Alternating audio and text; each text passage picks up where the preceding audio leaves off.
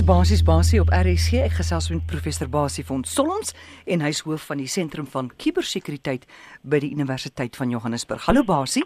Goeiemôre daar vir jou en Marieta en al die karre en al die mense daar buite. Baie lekker dag. Basie, ek wil hê jy moet my vertel nou weer wat is 'n raak en betaal kaart en hoe is dit moontlik dat iemand op 'n lughawe sy raak en betaal kaart in sy rugsak gehad het? 'n Kiberrot het verbygekruip en hy het al die besonderhede gelees op daai kaart en dit gebruik. Hoe werk dit? Ja, hoe werk dit? Dit? Werk wat ek en jy elke dag het. Kom ons sê net vinnig wat is die raak en betaalkaart? Dis gewoon jou kredietkaart en baie van ons luisteraars sal dit sien. As jy 'n kredietkaart kry, selfs 'n debietkaart, dan is daar so 'n um, ehm, wiretjie op, hmm. amper soos wat die uh, Wi-Fi teken is. Dit beteken dat daai kaart het die vermoë dat jy hoef nie as jy by 'n betaalpunt kom die kaart fisies in die betaalpunt in te druk en jou pinnommer in te sit nie. Jy jy ervaai net die kaart. Jy die kaart sê net so hmm. hallo vir die betaal uh, vir die betaal eindpunt. Hmm. En dan word die bedrag wat die eindpunt vir hom sê, hoor jy hierdie koper van jou was R37, dan sê die kaart goed, vat maar R37 van my af en en die R37 is betaal en jy loop. Daar's geen fisiese kontak met jou kaart en die kaart word nie ingedruk nie, daar's nie 'n pinnommer nie, niks nie. Nou hierdie goed word baie wyd gebruik. En in in in oorsee is is dit soort van die die die manier van dinge jy op 'n bus klim dan baie nie die kaart so in jou bus jou busgeld word afgetrek. Mm. Maar Nou die vraag wat jy vra is is hoe word geld daardeur verduister? Nou, dis 'n hele kontroversie. Die banke sê dit kan nie gebeur nie. En wat ek nou vandag vir jou sê dit gebeur. Um ek het met die week met 'n kollega gesels. Hy het soos wat jy net reg sê op 'n lughawe in Europa Hy sê hy loop daar in sy kaarte is alles in sy rugsak en hy sien hier kom 'n ou so naby hom verbygeloop en hy stamp so 'n bietjie aan hom. Maar niks is snaaks nie en niks is weg nie en hy voel heel gelukkig die ou seker net sy balans verloor. En hy sê 'n paar dae later toe begin hy sien hier gaan transaksies af teen sy kredietkaart. Nou wat gebeur is jy moet onthou daai kredietkaart is so gemaak, sy tegnologie is om hy wag net tot daar 'n uh, 'n uh, eindpunt naby hom kom. As jy nou byvoorbeeld by die supermark uitloop, dan vat jy jou kaart en jy hou hom naby die eindpunt, die daai toestelletjie waarin jy altyd jou kaart druk, jy waai hom nou net daar.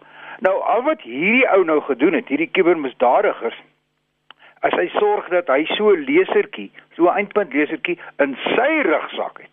Nou kom sy rugsak hier by jou rugsak verby en die sy rugsak sê vir jou rugsak, hoorie ek is 'n betaalpunt, jy moet my betaal en jou kaart wat in jou rugsange sê, "O, okay, as ek jou moet betaal, hoeveel wil jy hê?" en hy sê soveel, en soek die geld af van jou kredietkaart of is en is weg.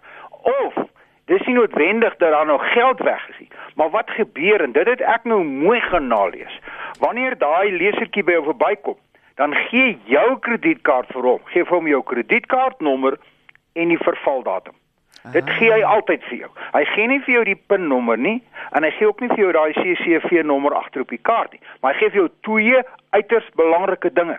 Hy gee vir jou hy sê vir jou dit dit is my my nommer en dit is my vervaldatum. Nou moet jy onthou as die as die lesertjie, die kiberot wat nou verbyloop, as sy lesertjie net daai twee dinge vat, dan kan jy in beginsel kan jy 'n transaksie gaan doen telefonies waar jy iets gaan koop of iets oor see gaan koop of waar ook al, die verskaffer vra vir jou wat is jou kredietkaartnommer?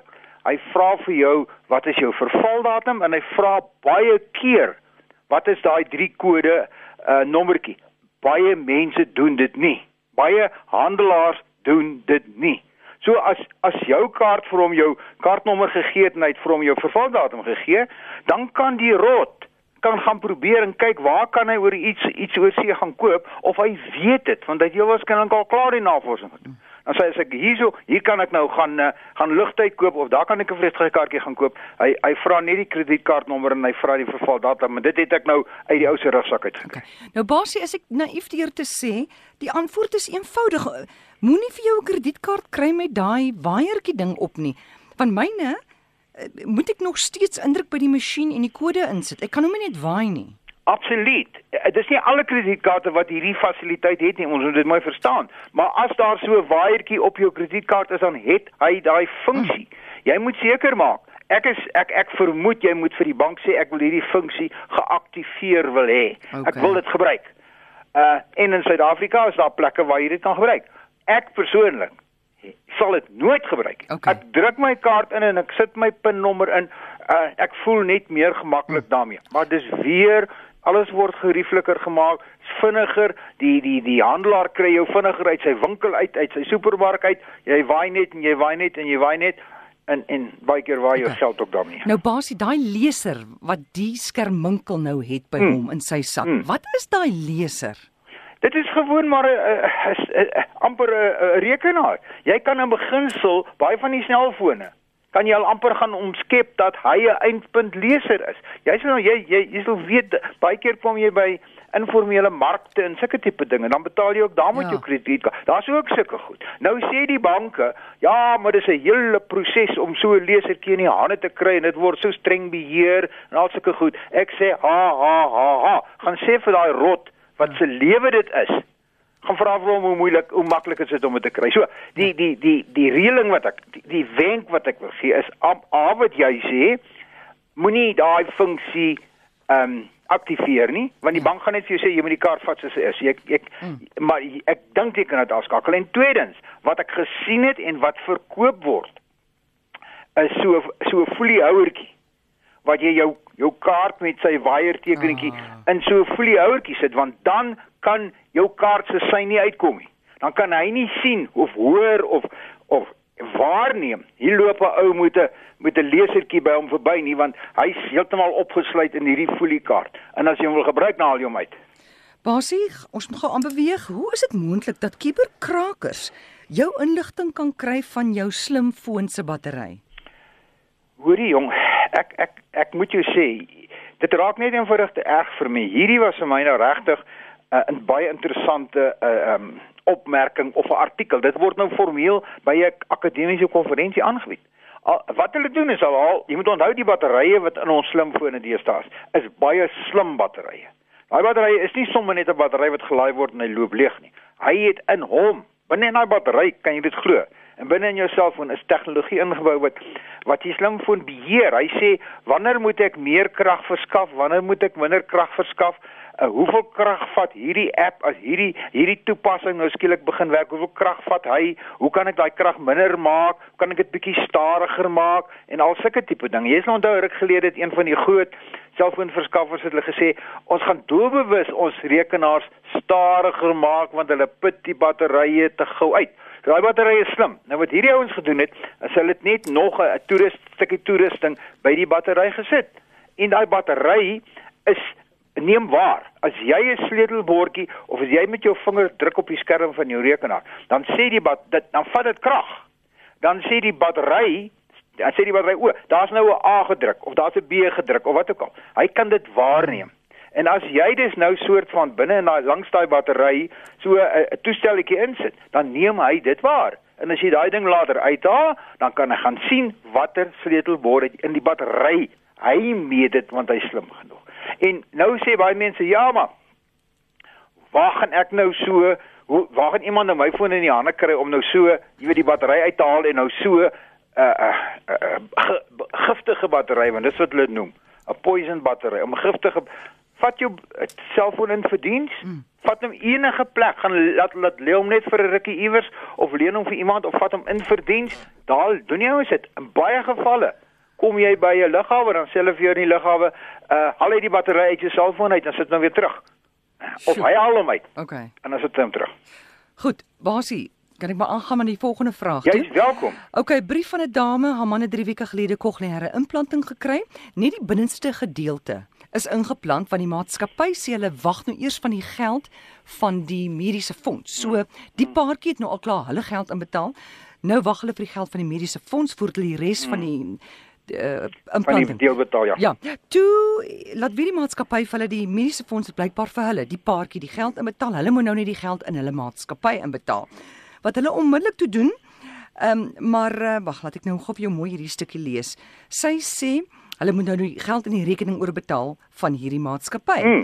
Rukkie daarna ontvang hulle 'n e-pos wat sê met die faktuur. ja, wat sê die maatskappy se bankrekening het verander. Man gaan betaal onmiddellik die geld oor.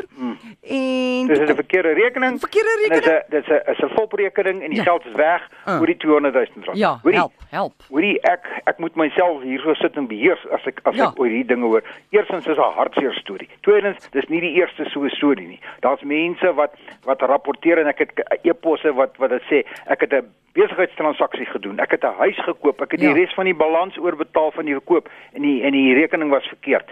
Nou die hele punt is behalwe dat ek weer eens die wenk gee, wat ek die wenk wil gee is moet nooit, moet kyk ek het altyd gesê wees baie versigtig in die kuberruimte.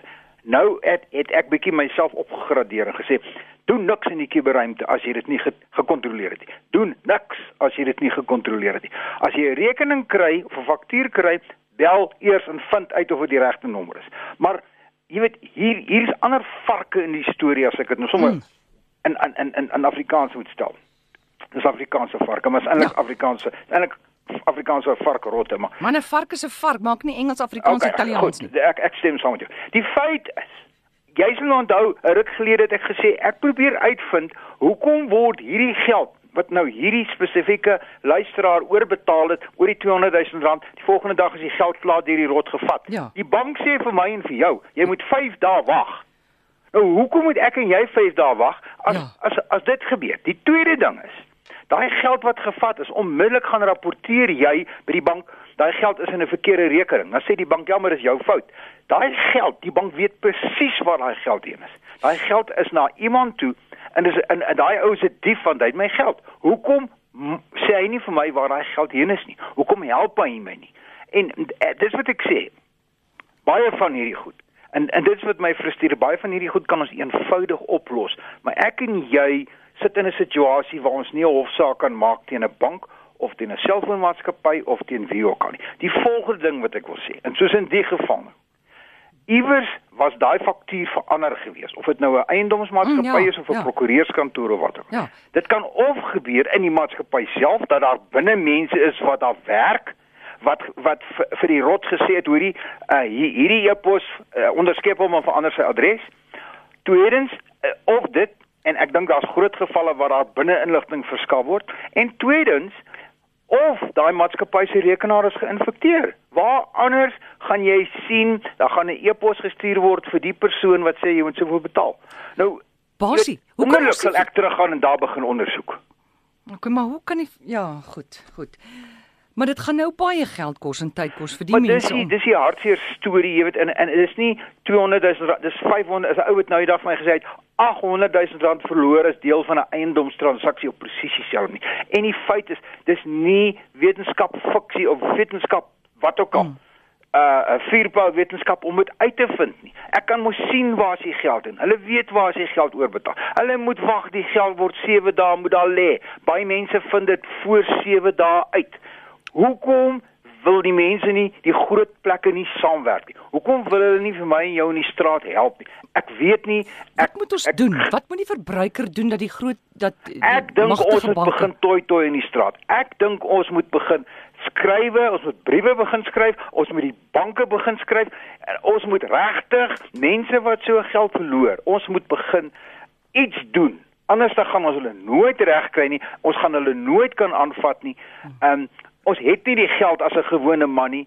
En en en en en, en ek weet van hierdie banksaake. Ek is half betrokke daarbey. Hulle rek dit net uit en hulle rek dit ja. net uit en op eind sê jy later ek is nou al bankrot van al die geld wat ek moes betaal het om die geld terug te kry wat hulle in elk geval in die eerste geval nie moes gevat het nie. Goed, Basie vir president. Dis professor Basie van Solms en jy kan hom kontak by RSG Basie by gmail.com.